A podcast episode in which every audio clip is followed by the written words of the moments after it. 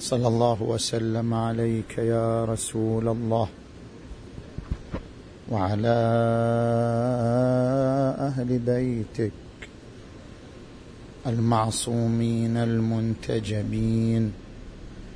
يا ليتنا كنا معكم فنفوز فوزا عظيما.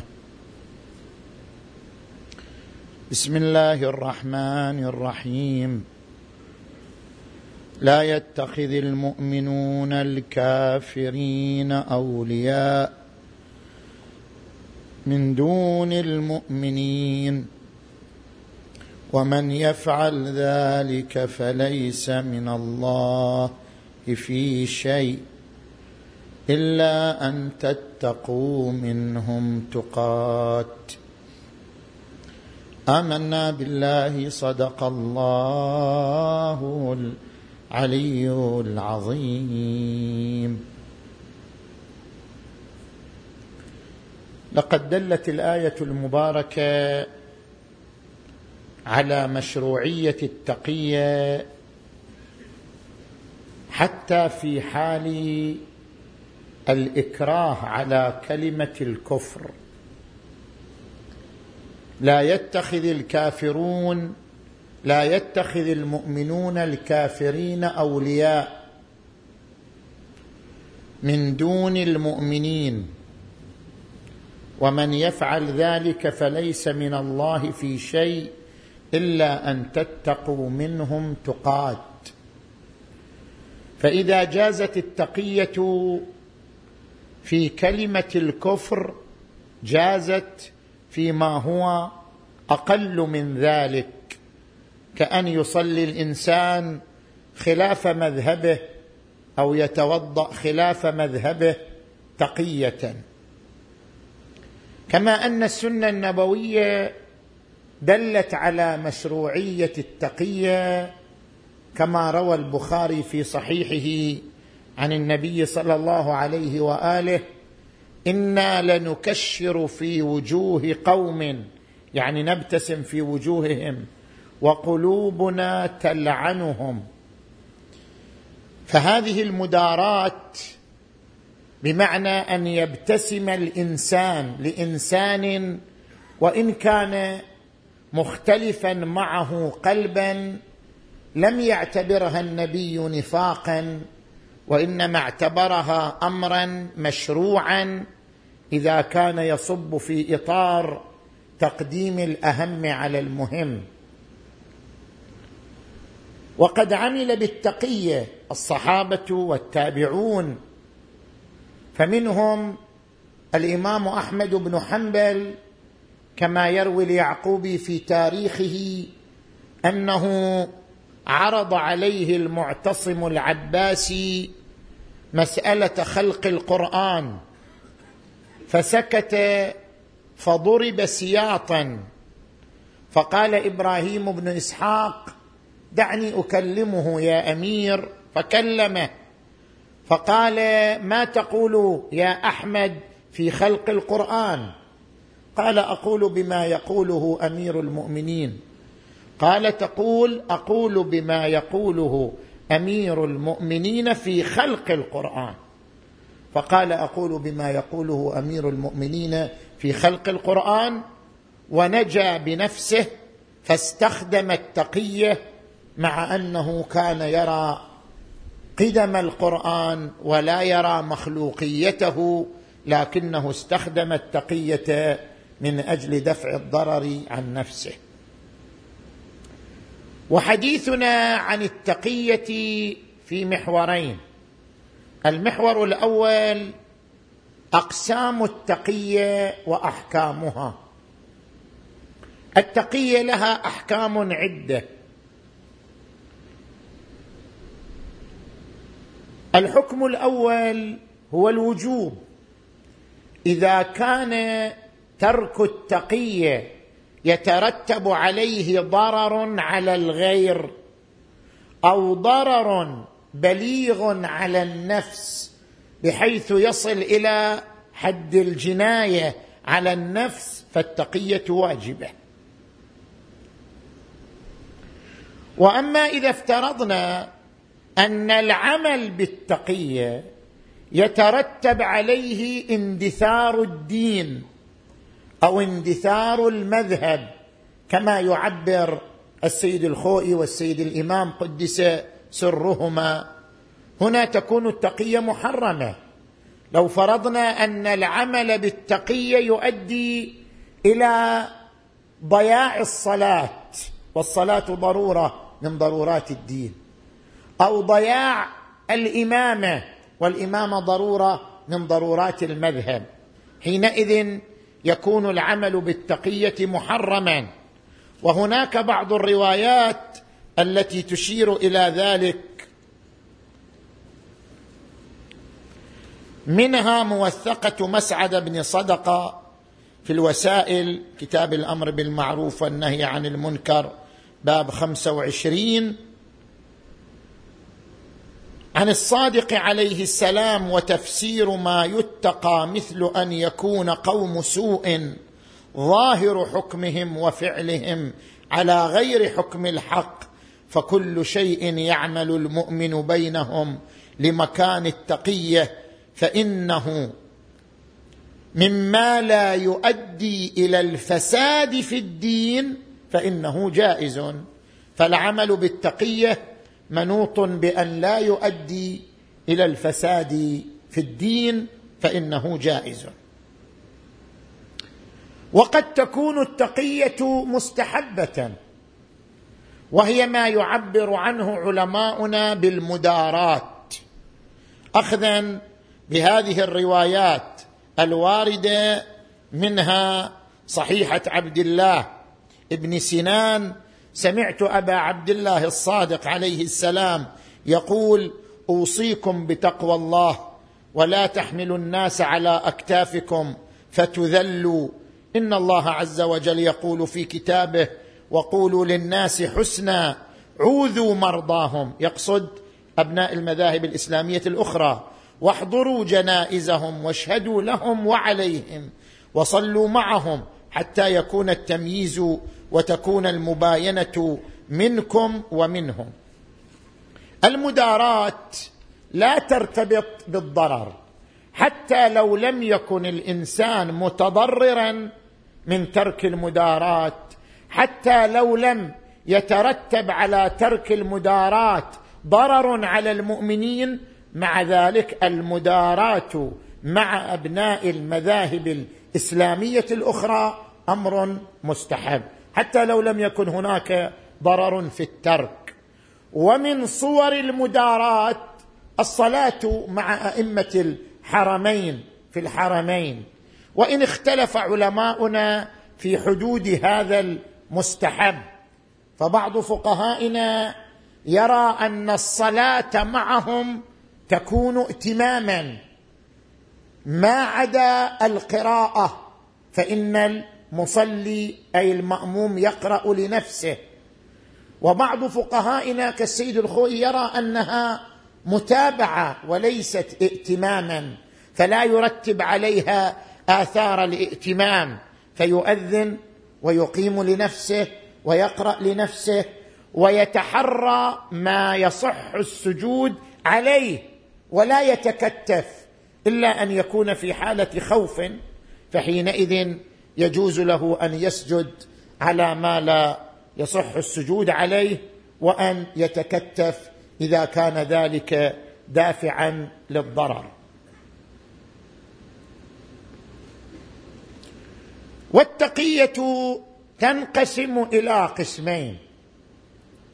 التقية مع بعض أبناء المذاهب الإسلامية الأخرى الذين لا يحتملون المخالفة. فإن أبناء المذاهب الإسلامية الأخرى على قسمين. قسم إنسان موضوعي عاقل لا يهمه أن تختلف معه في العقيدة أو في العبادة أو في الممارسات. وحينئذ يمكن للإنسان أن يفصح أمامه بما يعتقد. وقسم من أبناء المذاهب الإسلامية الأخرى نتيجة التعبئه الإعلامية ضد التشيع وضد مبادئ التشيع لا يتحمل أن يرى من يختلف معه في الصلاة أو يختلف معه في التوسل بأهل البيت أو يختلف معه في التبرك بقبور الأئمة الطاهرين صلوات الله عليهم أجمعين. فمثل هذا يكون موردا للتقية. ربما هذا القسم الأول. القسم الثاني التقية من سلاطين الجور سواء كان سلطان الجور كافرا أم مسلما. سنيا أم شيعيا. التقية من سلاطين الجور قسم آخر من التقية. هنا ربما الإنسان يسأل سؤال. لماذا تركزون في التقية على القسم الأول وهو التقية مع بعض أبناء المذاهب الإسلامية الأخرى ولا تركزون على القسم الثاني ألا وهو التقية من سلطان الجور؟ لماذا مع أن كلاهما مع أن كليهما تقية وكلاهما مندرج تحت صحيحة ابن أبي يعفور ولا إيمان لمن لا تقية له. الجواب عن هذا السؤال. اولا نحن إنما نخص القسم الثاني وهو التقيه من بعض أبناء المذاهب الإسلامية الأخرى بالكلام لأن هناك نصوص خاصة وردت في هذا القسم من التقية. وقد ذكرناها في ليلة من ليالي محرم منها صحيحة هشام بن سالم عن الصادق عليه السلام في تفسير قوله تعالى ويدرؤون بالحسنة السيئة قال الحسنة التقية والسيئة الإذاعة وفي صحيحة المعلى يا معلى اكتم أمرنا ولا تذعه وقلنا معنى الإذاعة يعني إظهار بعض الأمور من خلال وسائل الإعلام التي يتسبب إظهارها في الإضرار بالمؤمنين ولو بقسم من المؤمنين في أي مكان أو في أي بلد. لأنه وردت نصوص خاصة في هذا القسم لذلك ركزنا عليه. وإلا التقية شاملة لكلا القسمين. ثانيا مواجهة السلطان الجائر وإن كانت خلاف التقية ولكن إذا تدخل الفقيه ورجح عنوانا ثانويا على عنوان أولي فالمدار مدار حكم الفقيه. يعني التقية من السلطان الجائر واجبة بالعنوان الأولي لكنه لو شخص الفقيه أن في كلمة حق أمام سلطان جائر مصلحة أهم من المفسدة التي تترتب على التي تترتب على ترك التقيه فهنا القرار بيد الفقيه. نحن لا مشكلة عندنا في أي قسم من أقسام التقيه إذا رجع القرار في العمل بالتقية أو في ترك التقية في أي قسم من الأقسام إلى قرار من الفقيه فهذا هو المطلوب وهذا هو المتبع. وقد ذكر الفقهاء في بحث الأمر بالمعروف والنهي عن المنكر أنه لو ترتب ضرر على الأمر بالمعروف والنهي عن المنكر لم يكن مطلوبا. إلا إذا كان في الأمر بالمعروف والنهي عن المنكر مصلحة أهم من الضرر الذي يترتب على القيام به وتشخيص الأهم من المهم بيد الفقيه. فإذا صدر القرار من الفقيه الجامع للشرائط فالأمر أمره والحكم حكمه. زين. هذا بالنسبة إلى المحور الأول من حديثنا نأتي إلى المحور الثالث الثاني صلوا على محمد وآل محمد.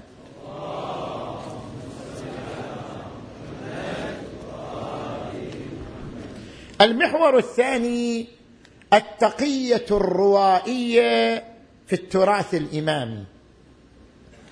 ذكرنا في ليلة سابقة أن الإمام قد يمارس التقية بأن يقول الإمام كلاما على خلاف الواقع لمناشئ معينة.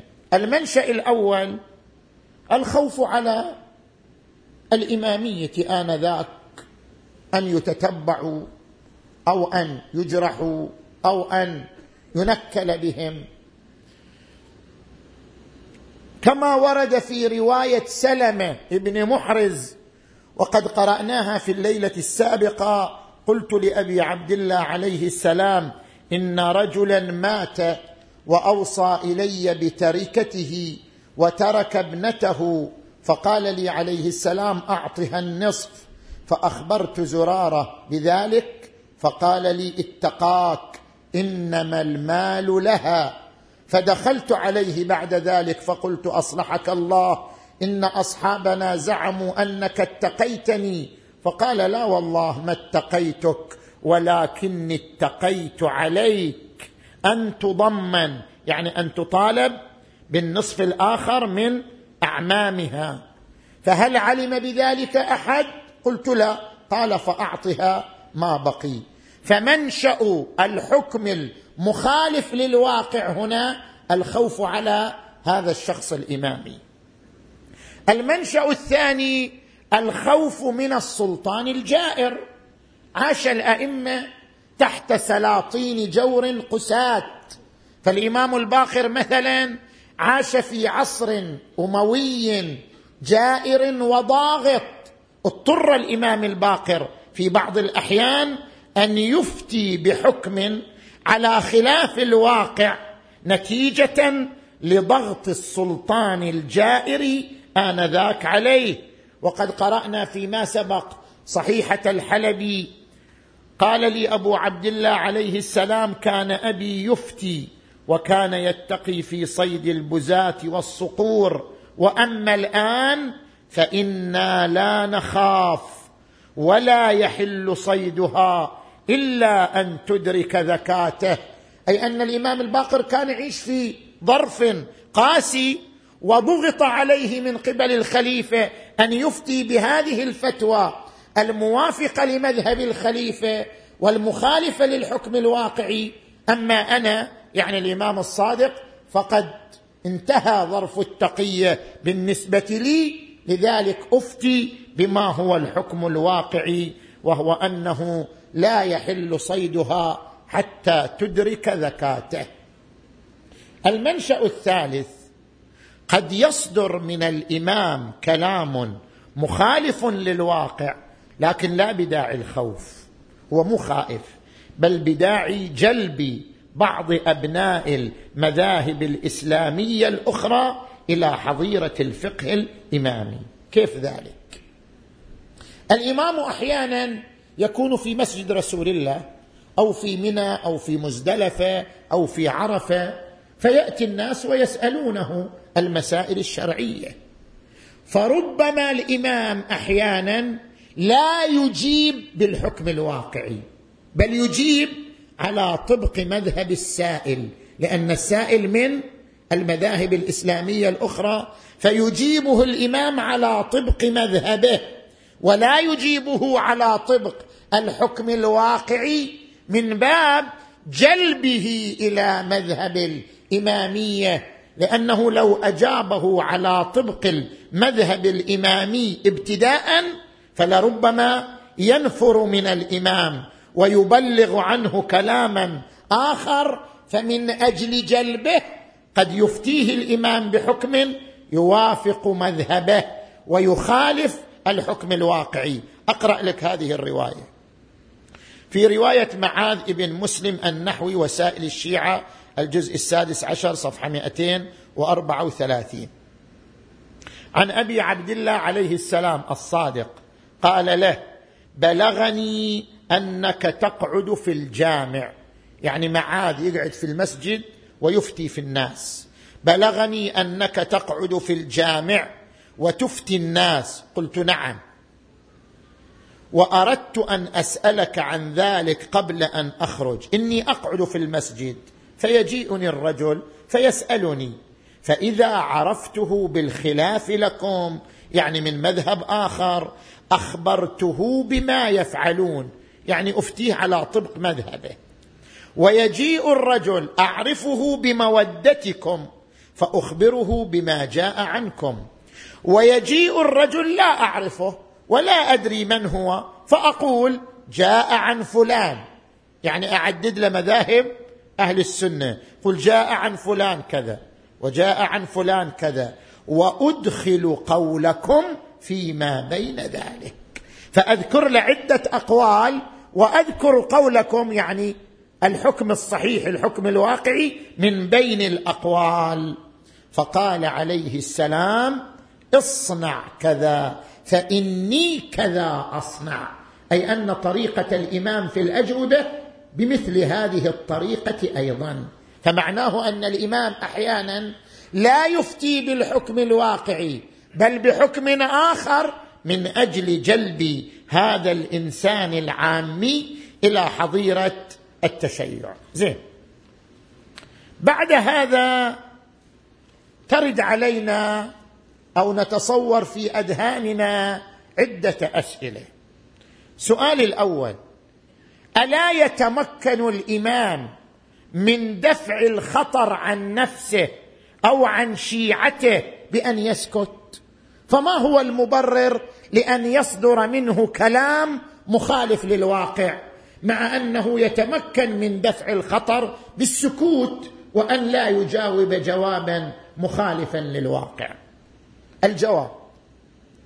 اولا كما ذكرنا قد يصدر من الإمام جواب مخالف للواقع لا لأجل الخوف بل لأجل جلب السائل إلى مذهب التشيع. ولو سكت لم يتمكن من جلبه عن طريق السكوت. وثانيا قد يرد السؤال على الإمام من قبل السلطان الجائر نفسه. فلا يتمكن الإمام من السكوت. لو سأله إنسان من سواد الناس ربما يتمكن الإمام من السكوت.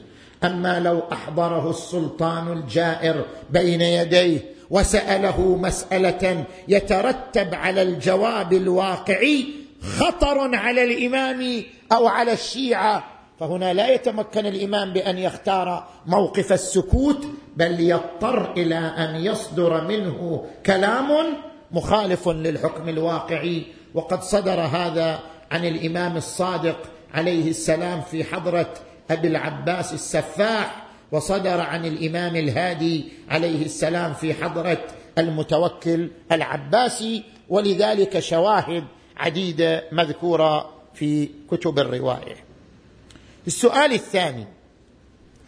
إذا أفتى الإمام بحكم مخالف للواقع ألا يلزم من ذلك ضياع الأحكام الشرعية؟ أن الإمام يفتي بحكم مخالف للواقع ونتيجة ذلك ضياع الأحكام الواقعية فلا تصل إلى الناس لأن الإمام أخفاها وأظهر خلافها نتيجة التقية مع أن الإمام المعصوم مسؤول عن بيان الأحكام الواقعية بمقتضى كونه عدلا للقرآن الكريم كما هو مفاد حديث الثقلين إني مخلف فيكم الثقلين كتاب الله وعترتي أهل بيتي ما إن تمسكتم بهما لن تضلوا بعدي. الجواب عن ذلك. اولا الإمام يتخذ الطرق المختلفة من أجل بيان الحكم الشرعي الواقعي من أجل بيان المعارف العقائدية الواقعية. وذلك الطريق الأول صحيح أن الإمام في ظرف معين قد يتكلم بكلام مخالف للواقع لكنه يتدارك ذلك بأن يفصح لأصحابه ولخواصه بالحكم الواقعي وبالمعارف الواقعية ويأمرهم بتدوينها وتبليغها للشيعة في الوقت المناسب فبذلك يتدارك الإمام ما لم يمكن بيانه في ظرف معين ببيانه لأصحابه وخواصه الذين يقومون بتبليغ هذا الحكم بالطرق الممكنة في وقت آخر وفي ظرف آخر. والطريق الثاني ورد عن الإمام عليه السلام كما في صحيحة عبد الرحمن ابن أبي عبد الله ورد عنه الاحتياط من هذا النوع من الروايات. يعني هذه الروايات التي وصلت إلينا وفيها أحكام صدرت تقية وهي مخالفة للحكم الواقعي. كيف نعالجها؟ هذه الروايات التي تضمنت حكما مخالفا للواقع ووصلت إلينا. كيف نعالجها؟ كيف نعرف أن هذه الأحكام واقعية أو غير واقعية؟ ما هو الطريق أمام الفقيه للتمييز بين كون هذه الرواية صدرت تقية أو كون هذه الرواية صدرت لأجل بيان الحكم الواقعي. كيف يميز الفقيه ذلك؟ هذا ما تجيب عنه صحيحة عبد الرحمن بن أبي عبد الله. لاحظوا. إذا ورد الحديثان المختلفان فاعرضوهما على كتاب الله الإمام الصادق عليه السلام. فإن لم تجدوهما في كتاب الله فاعرضوهما على كتاب الله فما وافق كتاب الله فخذوه وما خالف كتاب الله فدعوه. هذا طريق لتمييز الحكم الواقعي من غيره. فإن لم تجدوهما في كتاب الله جاءتنا رواية تقول مثلا أن أهل الكتاب طاهرون. جاءتنا رواية تقول أهل الكتاب لا يحكم عليهم بالنجاسة. كيف نميز الرواية الواقعية من غيرها؟ فإن لم تجدوهما في كتاب الله فاعرضوهما على أخبار العامة. يعني أخبار فئة من أهل السنة وسأميز لك ذلك بعد ذلك. فما وافق أخبارهم فذروه لا تأخذوا به. وما خالف أخبارهم فخذوه. لماذا؟ لأننا إذا عرضنا عندنا خبران مختلفان. لا ندري أي من الخبرين يتضمن حكما واقعيا وأي من الخبرين يتضمن حكما صدر تقية. نعرض الخبرين على بعض الكتب لبعض المذاهب الإسلامية الأخرى. فإذا رأينا الخبر موافقا لما في هذه الكتب لم نعمل به. هذا معناه أن الخبر صدر تقية. وإذا وجدنا الخبر مخالف عملنا به. لأن هذا معناه أن الخبر لم يصدر تقية. وإنما صدر لبيان الحكم الواقعي. اذا لا يوجد هناك مشكلة في أن هناك روايات صدرت عن الأئمة الطاهرين صلوات الله وسلامه عليهم أجمعين وكانت هذه الروايات متضمنة لحكم مخالف للواقع.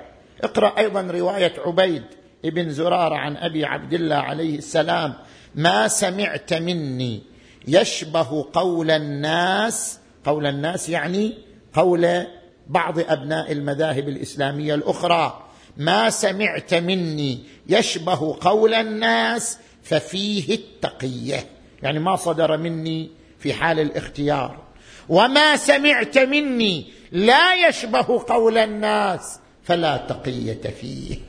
اذا هناك طريق لتمييز الخبر الواقعي من غيره إما بالعرض على كتاب الله أو العرض على الأخبار لدى فئة من المسلمين فما وافق أخبارهم فلا يعمل به وما خالف أخبارهم يعمل به.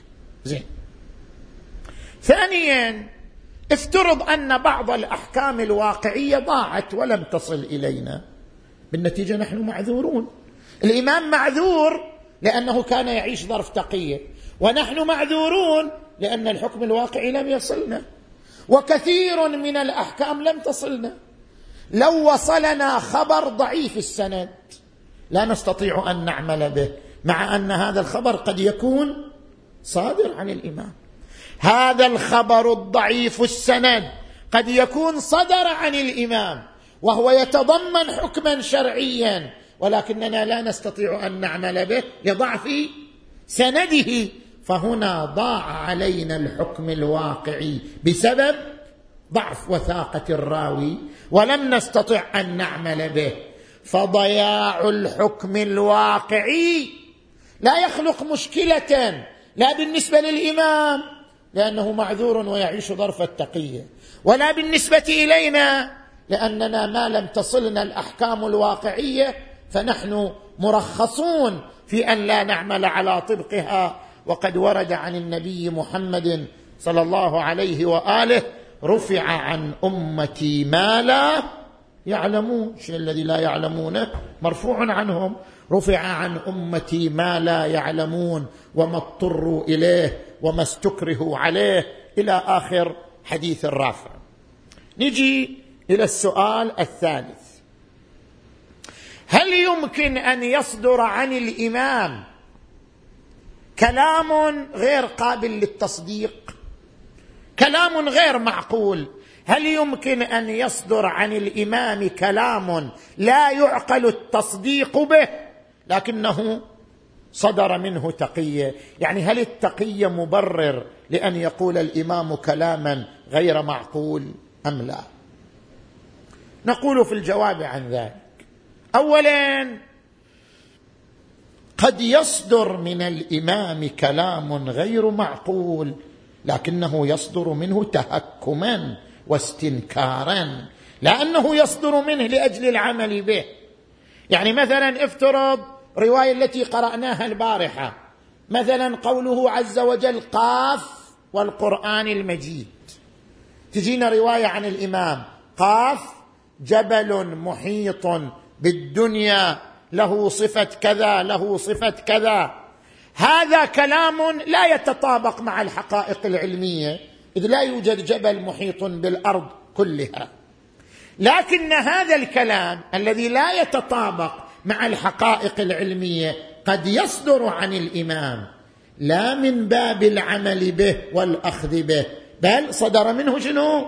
تهكما. واستنكارا على هذا الكلام لا أنه صدر منه وهو يتبناه ويعتقد به حتى يكون الخبر ماخوذا على نحو العمل به.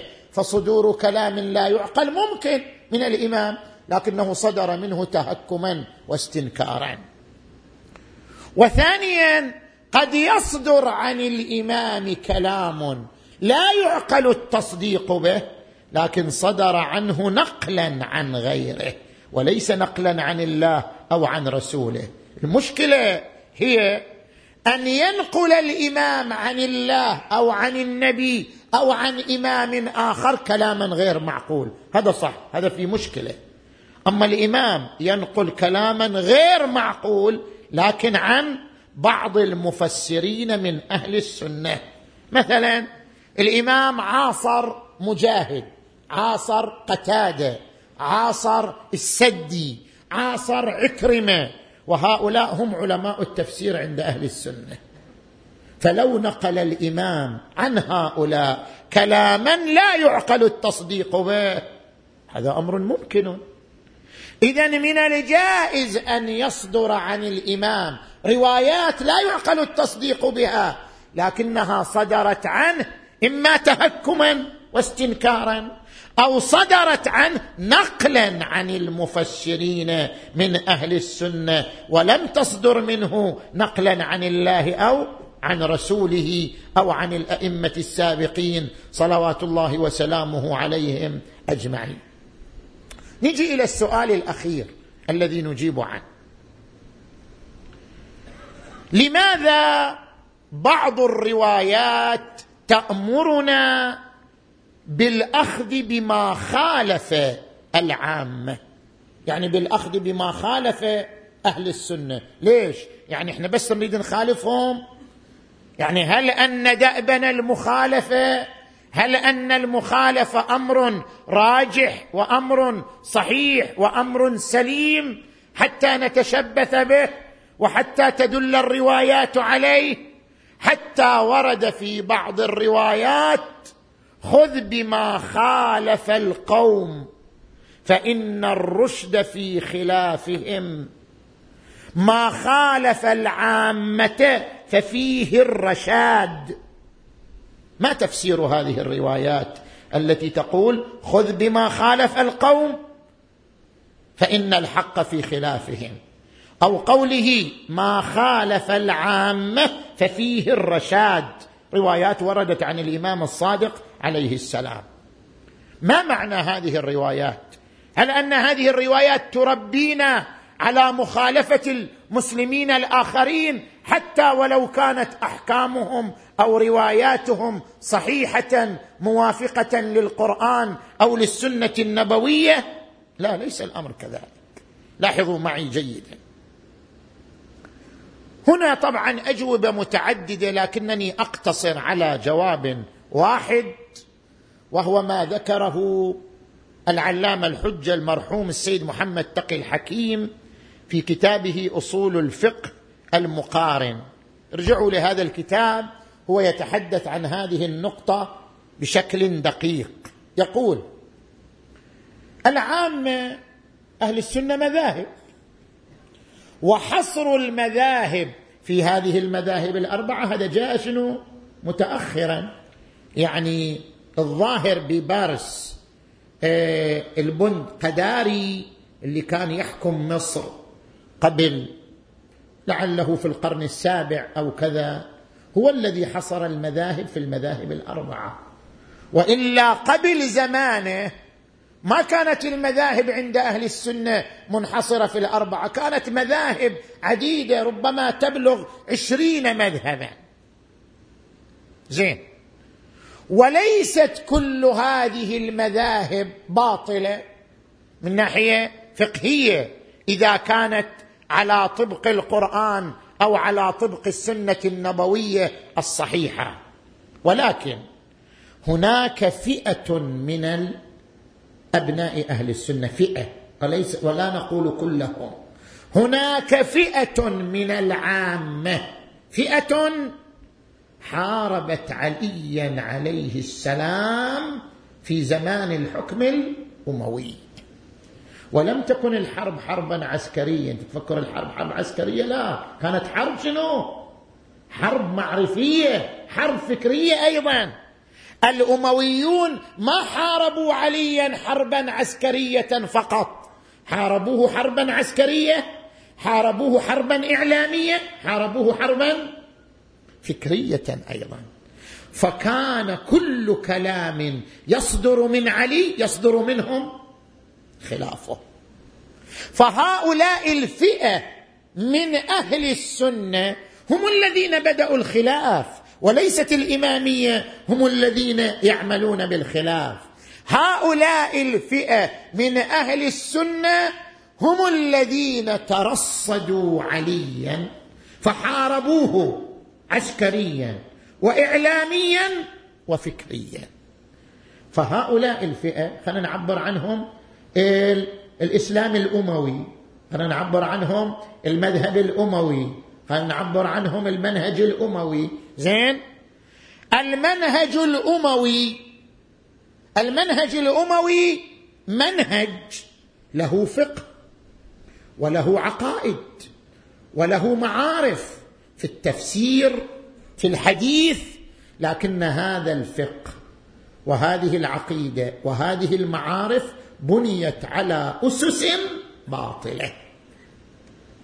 من جملة أسسهم محاربة علي عليه السلام محاربة فكرية. من جملة أسسهم الاعتماد على الأخبار المروية عن أبي هريرة مثلا أو عن كعب الأحبار مثلا أو عن من لا نراه ثقة في نقله عن النبي صلى الله عليه وآله. ومن أسسهم اعتمادهم على طرق ظنية في مقام الاستنباط كالقياس الاستحسان سد الذرائع. اذا بالنتيجة ماذا تقولون في هذا المنهج؟ ألا يستحق المخالفة؟ المنهج الأموي الذي بنى فقهه وبنى عقيدته وبنى معارفه على ثلاثة أسس باطلة محاربة علي محاربة فكرية واستخدام طرق ظنية ليست بحجة والتعويل على روايات وردت عن أناس لا ثقة لهم لا توثيق لهم. اذا هذا المنهج يستحق المخالفة.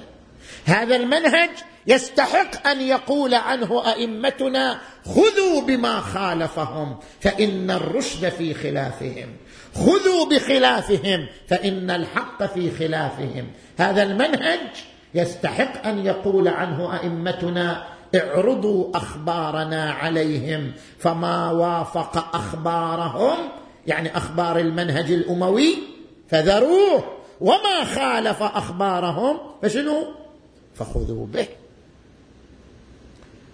ولذلك أنقل لك هذه الرواية حتى يتضح المطلب أكثر. نعم.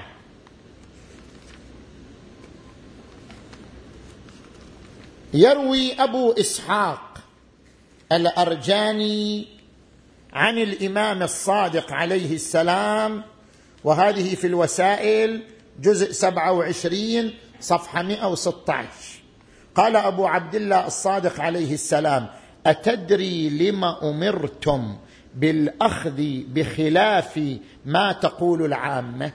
في الصميم. يطرح السؤال في الصميم ويجيب عنه الإمام الصادق. أتدري لما أمرتم بالأخذ بخلاف ما تقول العامة؟ فقلت لا أدري.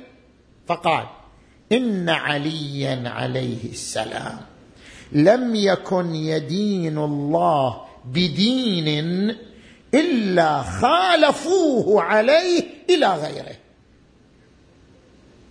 يعني هناك منهج أموي حدث منذ زمان الإمام علي وامتد ربما إلى يومنا هذا.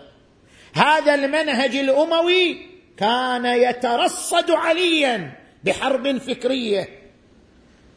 إن عليا عليه السلام لم يكن يدين الله بدين إلا خالفوه عليه إلى غيره. ليش يخالفوه إرادة لإبطال أمره. كانوا يريدوا يسقطوا شخصية الإمام علي. إرادة لإبطال أمره. وكانوا يسألون أمير المؤمنين عليا عليه السلام عن الشيء الذي لا يعلمونه فإذا أفتاهم جعلوا له ضدا من عندهم ليلبسوا على الناس. اذا هناك منهج أموي بنى فقهه وتفسيره للقرآن ومعارفه العقائدية على أسس باطلة وهي المحاربة الفكرية للإمام علي فاستحق هذا المنهج من الأئمة أن يأمروا شيعتهم بالأخذ بخلاف هذا المنهج. وليس هذا يعني عزيزا على بني أمية خصوصا معاوية وابنه يزيد. زين؟ هؤلاء الذين جعلوا الخلافة ملكا عضوضا هؤلاء الذين حاربوا أهل البيت بشكل سافر وواضح. حربا عسكرية حربا إعلامية حربا فكرية. هؤلاء الأمويون ارتكبوا المجازر الواضحة. في حق أهل بيت النبوة صلوات الله وسلامه عليهم أجمعين. وأعظم تلك المجازر جريمة كربلاء التي طبقها عمر بن سعد بحذافيرها. فقال كتب لي الأمير إذا قتلت الحسين فأوطئ الخيل صدره وظهره فإنه عاق مشاق. قاطع ظلوم. وطبق العملية وتركت الأجساد صرعى على الثرى تسفي عليها الرياح. ثلاثة أيام إلى أن أقبل بنو اسد طنبوا خيامهم. خرجت نساؤهم لاستقاء القرب. وصلنا المشرعة. وجدنا جسدا على المشرعة مقطوع الكفين.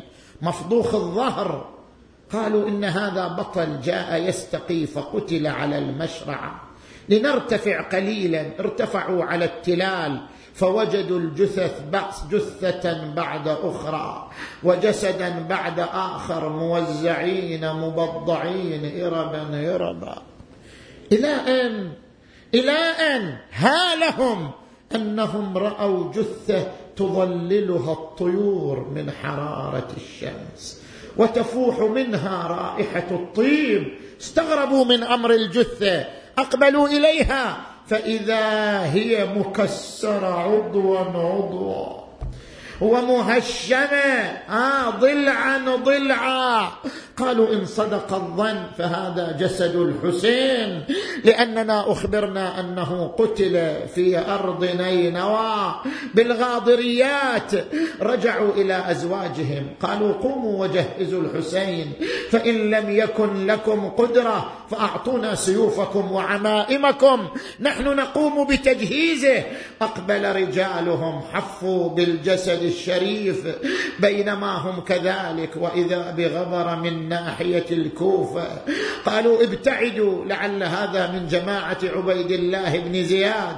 ابتعدوا عن الجثة وصل الفارس نزل من على فرسه وإذا هذا الفارس منحني الظهر نحيف البدن عليل مريض.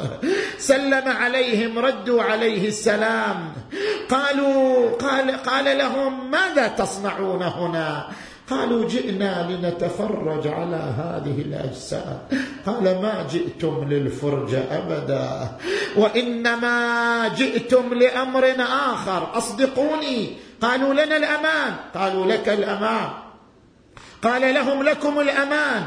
قالوا جئنا لنجهز جسد الغريب أبي عبد الله.